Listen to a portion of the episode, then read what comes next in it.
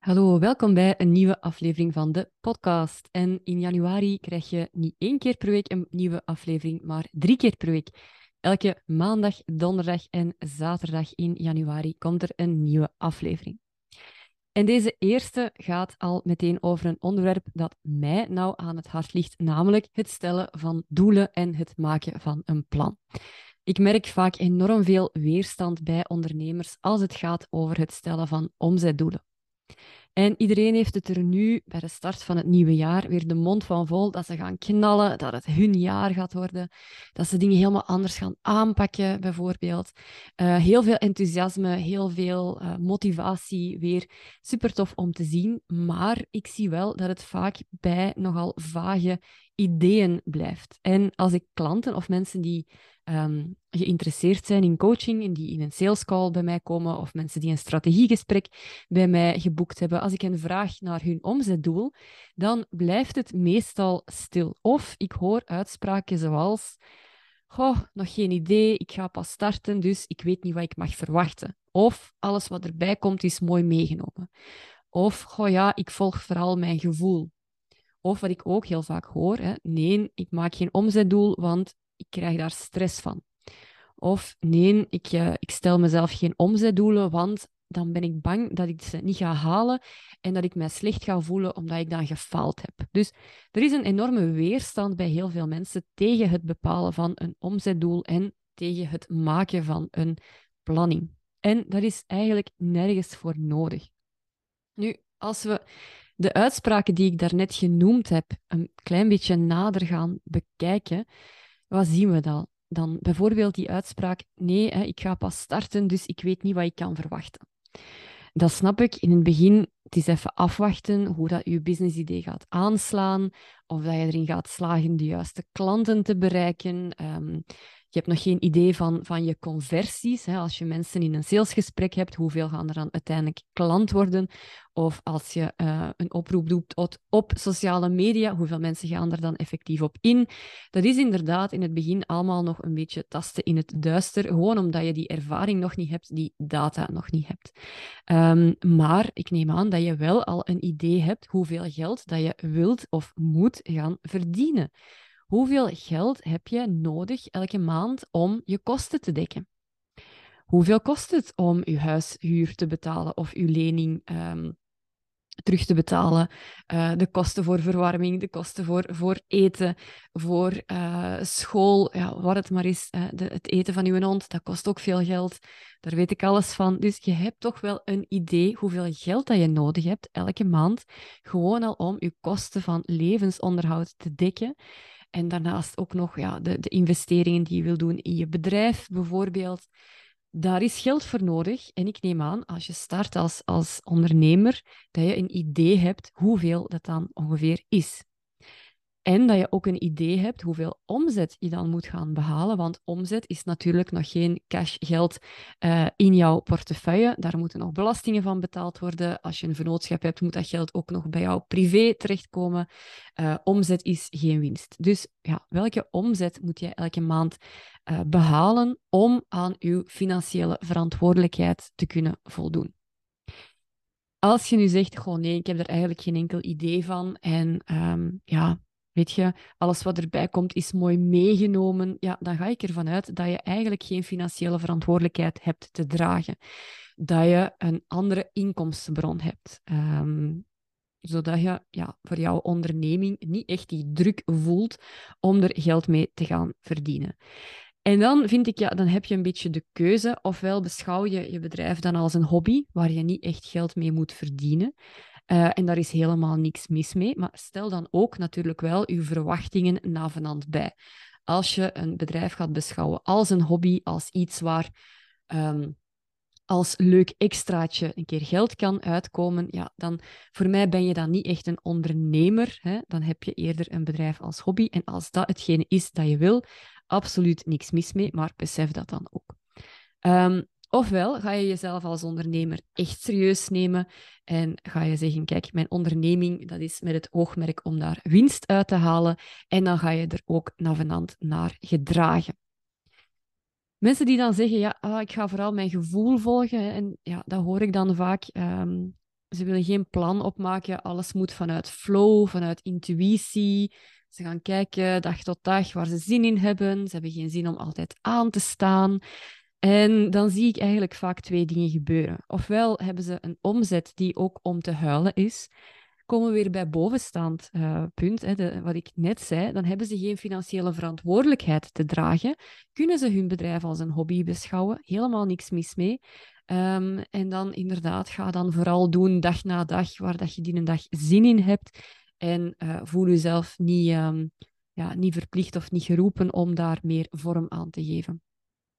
Dus dat is één ding dat ik zie gebeuren. De, het plan is er niet, de omzet is er ook niet, maar het is allemaal niet zo erg, want het is eigenlijk maar gewoon ja, uh, voor een extraatje. Nu, het tweede dat kan gebeuren is dat ze wel een omzet hebben die redelijk goed zit, maar ze werken zo hard omdat zij vanuit die flow, vanuit die intuïtie, zonder plan, zomaar wat aan het doen zijn, totaal niet efficiënt. En dan ben je eigenlijk vanuit die flow veel harder aan het werken dan nodig is. Veel harder dan je zou moeten doen als je een goede strategie en een goed plan zou hebben. Of er is nog een derde mogelijkheid. Hè. Ze zeggen wel dat ze alles vanuit flow en intuïtie doen, omdat dat ook begrippen zijn die zo ongelooflijk in de mode zijn. Hè. Als je zegt van ja, een plan maken, een plan uitvoeren, dan uh, dat is uh, al een beetje vloeken in de kerk tegenwoordig. Hè. Het moet allemaal vanuit die flow. Maar als je dan een klein beetje nauwkeuriger naar die mensen en hun business kijkt, dan zit dat wel allemaal heel strategisch en commercieel slim in elkaar. En dan is dat, ik leer je ondernemen vanuit flow. Hè. Die slogan is eigenlijk ook gewoon slimme marketing. Nu vind ik sowieso dat je intuïtie volgen en een slim plan opstellen, dat dat, dat volledig samen kan gaan. Ik maak namelijk zelf ook een plan op en daarbij maak ik beslissingen vanuit intuïtie. En sinds ik human design ken hè, en ik weet dat ik een, een generator ben, hou ik zelfs rekening met mijn human design. Dus het is een misvatting dat plannen en je intuïtie volgen, dat dat tegen elkaar zou indruisen. Nee, dat gaat net supergoed samen. Je plan kunt jij opmaken vanuit beslissingen die je neemt op basis van intuïtie. En die flow, die ervaar ik vanzelf als ik er lekker in zit en mijn plan uitvoer, uh, zonder losse flodders, zonder doodlopende straten in te draaien en, en telkens op mijn stappen te moeten terugkeren omdat ik weer iets gelanceerd heb vanuit die flow dat dan toch weer niet lukt en ik moet weer naar de tekentafel en opnieuw en opnieuw en opnieuw. Dus een plan maken en dat plan volgen, dat is voor mij flow. Daar ervaar ik die flow. Nu, dan zeggen mensen dus, hè, ja, ik krijg, ik krijg daar stress van, van een omzetdoel en ik ga dat niet doen, want als ik dat dan niet haal, dan voel ik mij gefaald. En daar zou ik dan twee dingen op willen zeggen. Ten eerste, ik snap dat je stress krijgt van een omzetdoel. Ehm, maar alleen als je geen plan hebt, dat ervoor gaat zorgen dat je precies weet wat je moet doen om dat omzetdoel te behalen.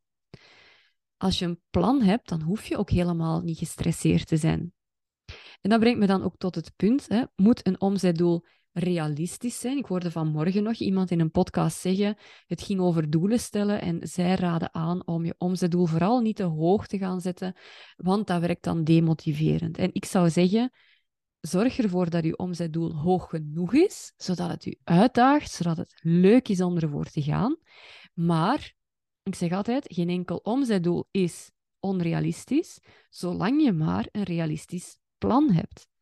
Stel dat je in 2022 een omzet had voor heel het jaar van 10.000 euro en nu zeg je, ah, wel, in 2023 wil ik 100.000 euro. Ja, dan is dat mogelijk, maar alleen met een goed plan. Want je weet ook, als je dezelfde dingen doet die dat jou vorig jaar 10.000 euro hebben opgeleverd, als je exact diezelfde dingen nu opnieuw gaat doen, dan ga jij niet opeens miraculeus 100.000 euro omzet behalen.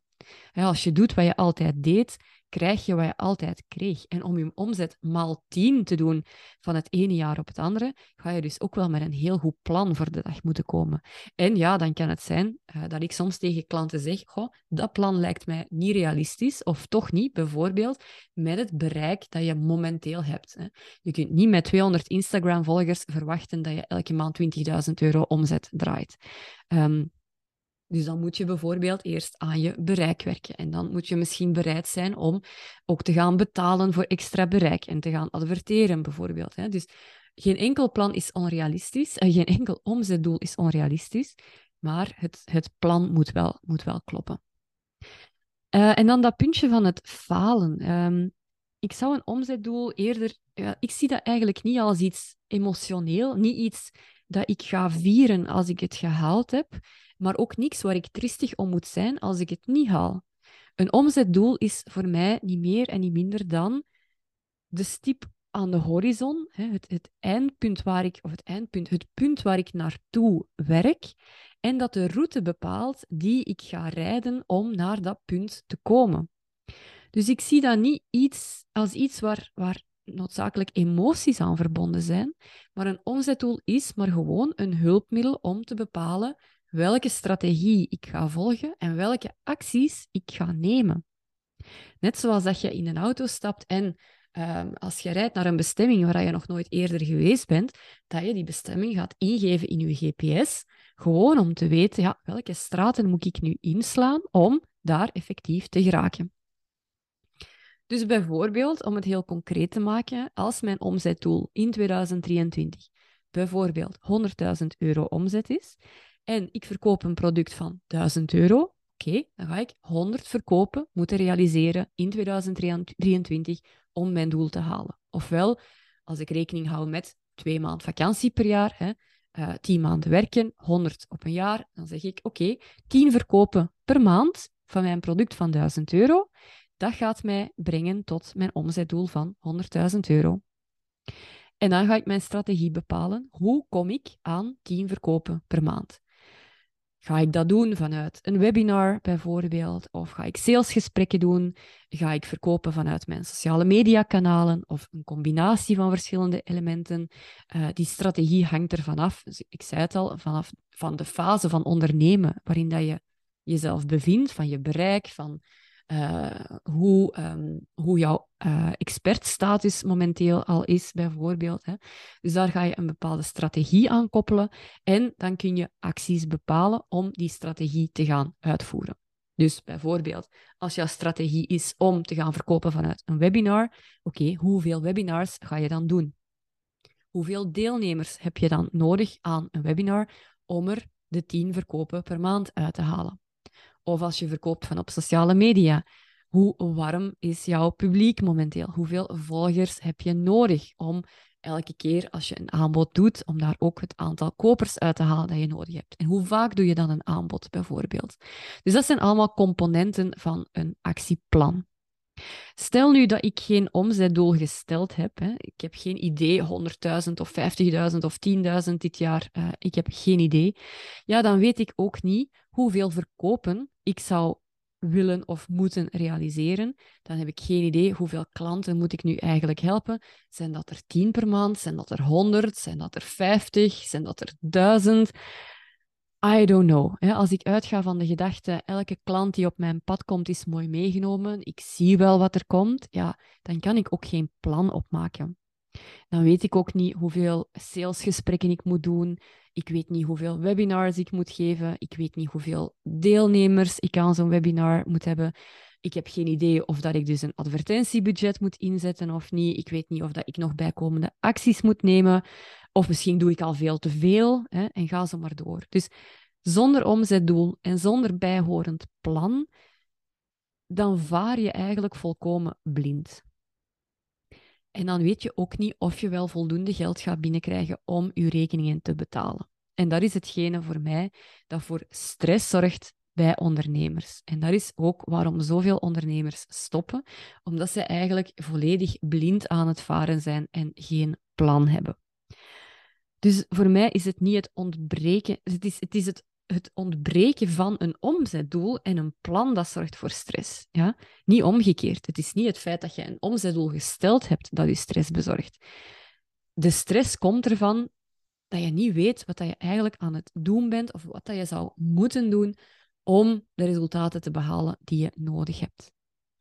Dus met een omzetdoel en een kloppend plan weet je eigenlijk altijd waar je naartoe aan het werken bent. En je kunt dat ook doen met focus, zonder alle kanten op te schieten, zonder elke keer opnieuw te moeten zoeken naar iets dat dan wel werkt. En het gevolg daarvan is dat je effectief veel minder hard moet werken, omdat je slimmer aan het werken bent.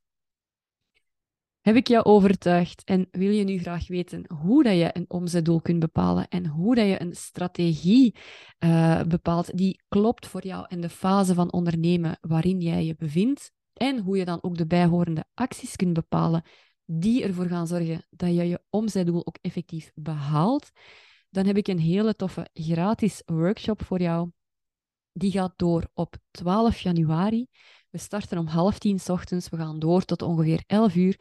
Ga door online in Zoom. Dus je moet er niet voor uh, uit je huis komen. Uh, al zet je je camera niet op voor mijn part. Uh, als je zegt van, goh nee, ik heb mijn haar nog niet gewassen. Allemaal oké. 12 januari om half tien. Kun je er niet live bij zijn, dan krijg je achteraf ook een opname. Je kunt je inschrijven via de link die ik uh, ook ga delen in mijn show notes. Uh, er zijn al heel wat inschrijvingen, dus uh, het is blijkbaar toch wel een topic dat de mensen um, boeit en bezighoudt. Dus wil je daar graag ook wat meer over weten, volg dan zeker die workshop. Kunt inschrijven via de link in mijn show notes. Voilà, dat was het voor de allereerste podcast van januari. Zoals gezegd, drie per week deze maand. Heb je een onderwerp waar je graag wat meer over wil weten? Stuur me dan een berichtje, bijvoorbeeld op Facebook of op Instagram, als je me daar al, uh, al volgt. Je vindt me als An underscore Siebens underscore FTLOG. Tot de volgende.